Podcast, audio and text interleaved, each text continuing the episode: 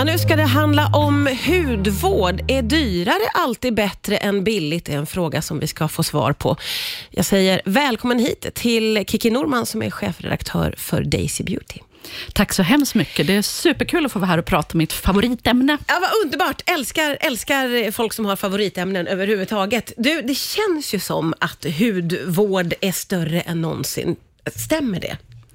Kosmetikindustrin som helhet är större än någonsin. Den har växt enormt de senaste tio åren. Bara i Sverige omsätter den 20 miljarder kronor. Ja, det är ju otrolig summa. Och vad, vad kommer sig det här intresset av, skulle du säga? Ja, men egentligen av två saker. Dels så ligger ju eh, skönhet och hudvård väldigt nära eh, hälsa och välbefinnande. Och vi har en stor trend i hela samhället om att vi vill må bra och spela paddel och dricka juicer och sånt. Mm. Och då har liksom skönhetsbranschen hängt på det där och blivit inkluderad i det. Sen har vi också sociala medier som är ett alldeles utmärkt sätt att sprida både hudvårdsrutiner och makeup-tips. Ja, och, där är det ju verkligen närvarande får man säga. Du, en hudvårdsrutin kan ju vara väldigt, väldigt omfattande, men vad är det mest basic i en hudvårdsrutin skulle du säga? Alla behöver tre saker. Man behöver en rengöring, man behöver en kräm, och Då kan man ha samma kräm dag, natt och även lite försiktigt runt ögonen. Man behöver inte flera olika krämer. Och så behöver man solskydd. De tre grejerna behöver alla. Mm. Resten är bara bonus. Ja, ja, ja. Och hur bra är vi generellt då på att eh, smörja in oss? Om vi pratar hela befolkningen. Generellt är vi väl inte jättebra och vi är framförallt inte så bra med solskydd som vi borde vara. Malignt melanom är ju ett jättestort problem i Sverige. Mm, mm. Bara växer och växer. Ja, just det. det är något som man alltid måste påminnas om, känns det ju som. Du, eh, bara i veckan här så blev det väldigt stort och omskrivet att eh, två TikTokare lanserade ett hudvårdsmärke där ett serum kostar 960 kronor. De har fått väldigt mycket kritik för de vänder sig också till unga. Är det här skäliga priser skulle du säga? Det kan det vara. Och just det här märket får väl också kritik för att eh, en av de två TikTokarna själva har, själv har kritiserat andra varumärken som har haft höga priser tidigare. Mm.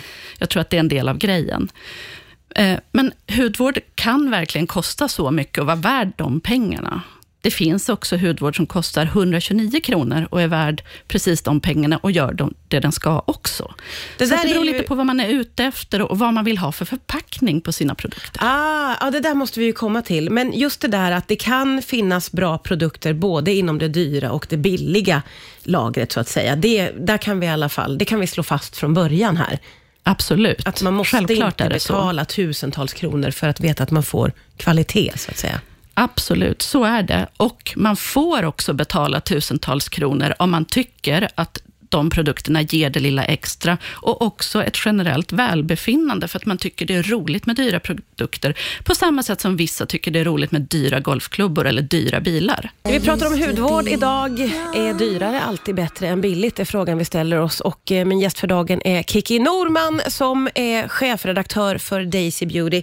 Eh, och det där är ju lite grann kärnan då. Vad är det man betalar för om man nu väljer att betala väldigt mycket för en kräm exempelvis? Man kan till exempel betala för att man vill ha det absolut senaste och bästa i ingrediensväg. Ah, okay. Om man pratar om ett företag som L'Oreal, folk mm. tror ju att det bara är ett varumärke, men det är alltså ett helt jättestort företag som äger 30 olika varumärken. Eh, de har 2000 forskare i sitt labb och de letar hela tiden efter nya och lite, lite bättre ingredienser. Ah. Och när de då hittar någonting nytt, då stoppar de det först i den dyra produkten. Det, till exempel Helena Rubinstein, eller Kiehl's, ah, ja, ja. eller på hår kan det vara Kerastas, för det är L'Oreal-märken, allt ah, det där. Oh, det visste inte jag. Och sen kanske ett år senare petar de ner i en kräm som tillhör L'Oréal Paris-varumärket. Så att, och då är det ju, det är en lika bra ingrediens, de kan till och med ha den i samma mängd, nästan en likadan kräm i övrigt. Ja. Men det är ett år senare i den billigare krämen. Ja, ja, ja, så billiga krämer behöver verkligen inte vara dåliga då för att de är billiga krämer? De, kan, de är ofta faktiskt jätte, jättebra. Ja, det där är ju väldigt, väldigt intressant. Och, och vad gäller ämnena som är i krämerna, vad, vad är det som är dyrare där om man säger så? Det finns ju eh, ingredienser som är väldigt, väldigt, alltså råvaror som är jättedyra, men hur mycket det sen kostar beror ju också på hur mycket väljer du att stoppa i krämen. Mm. Och där är det inte alltid så att mer är bättre.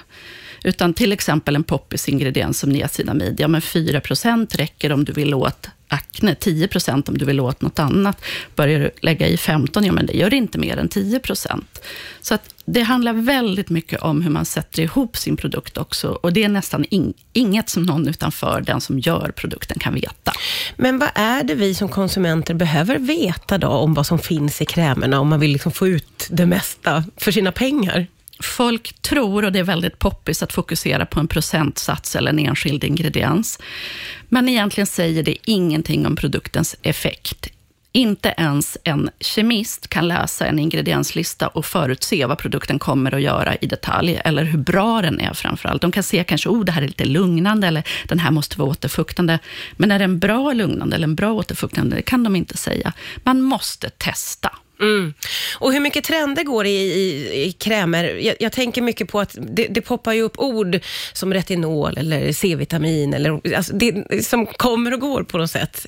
Mm, det fanns, finns fortfarande ett varumärke som heter The Ordinary, som lyckades verkligen få folk att intressera sig för ingredienser och procentsatser. Um, och nu har alla andra hängt på för att det visar sig vara ett väldigt säljbart koncept. Uh, så som du säger, retinol är jättepoppis, niacinamid är jättepoppis, syror, BHA, PHA, AHA har varit jättepoppis. Poppis, hyaluronsyra älskar alla och mm. nu är retinol inne igen. Det här är andra gången retinol är inne. Ja, ja, ja. För nu börjar det komma ny forskning som har lyckats ta fram nya retinolsorter som inte är lika irriterande som de gamla. Och när då det börjar i labbet och när de har labbat fram det här, ja då kommer produkterna. Och då kommer de från jättemånga märken samtidigt. Ah, spännande. Idag pratar vi hudvård. Jag gästas av Kiki Norman som är chefredaktör för Daisy Beauty. Och eh, det finns ju väldigt mycket att säga om detta ämne. Vi bubblar på under låten här hela tiden. Eh, och det är ju väldigt spännande det här med vad är det egentligen som hudvården kan göra för oss då? Hur mycket påverkar det vår hud? Väldigt lite. Nej! Jo, det ska sägas alltså. Du vet, det mesta är gener. Hur din hud är har mer med dina föräldrar att göra än vad du har i badrumsskåpet. Ja, det är så. Sen är det sol, det är rökning, det är om du bor i en väldigt förorenad stad. Ja. Eh, det påverkar mycket, mycket mer än hudvården. Men hudvård kan påverka. Och det vet ju alla som har haft problem och fått hjälp och får en normal hy, hur viktigt det ändå kan vara, den där lilla procenten som man kan påverka med hudvård. Ja, just det. Just det. Så det är ändå en rutin som du tycker att vi ska försöka ha, oavsett om den är väldigt omfattande eller enkel? Om man har en perfekt hud som aldrig blir torr eller röd, eh, när man inte gör något alls, då ska man inte göra något alls. Det är bara det att det är ingen som har det. Nej, nej just det. Det är alltid någonting som man behöver lite hjälp med. Ja. Och då får man leta sig fram, eller läsa sig till, fråga sig fram till någonting som gör precis det du vill att din kram ska göra. Mm. Du har tagit med dig ett par produkter här. Vad är det du har tagit med dig för någonting, Kiki? Jag har tagit med mig en liten glansig lila flaska med pipett. Det ser nästan ut som en julgranskula. Ja, det gör det faktiskt. Det heter Black Rose Oil och kommer från det lyxiga franska varumärket Sisley.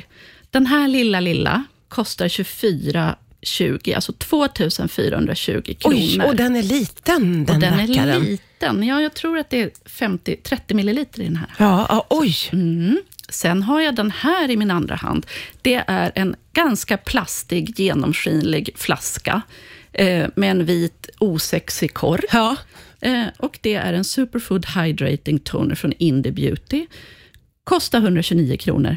Båda de här är svinbra till ah. helt olika saker. Ja, jag fattar, jag fattar. Du har ju jobbat eh, inom skönhet i 20 års tid. Det måste ha skett väldigt mycket under de här åren, tänker jag det har skett väldigt mycket. Framförallt kunskapen hos vanliga människor vad det gäller kosmetik har blivit mycket större. Och Det gick fort och det hände med sociala medier. För ungefär tio år sedan så vet jag att butikspersonal pratade om att de var tvungna att gå hem och läsa på mer, för de som kom in i butikerna och handlade skönhet och hudvård kunde mer än vad de kunde. Ja. Så nu är det jättemycket butikspersonal som är hudterapeuter eller makeupartister, för man måste vara specialist för att kunna bemöta kunder idag. Ja, det är så Vi pass. kan så mycket här i Sverige. Ja, ja, det där är ju ändå en väldigt häftig fördel med sociala medier, ändå, att man får lära sig på riktigt också. Ja, det här är ju ett ämne som det känns som att vi bara skrapar på ytan på. Vi får bjuda tillbaka dig. Tack snälla för idag, Kiki Norman. Tack själv.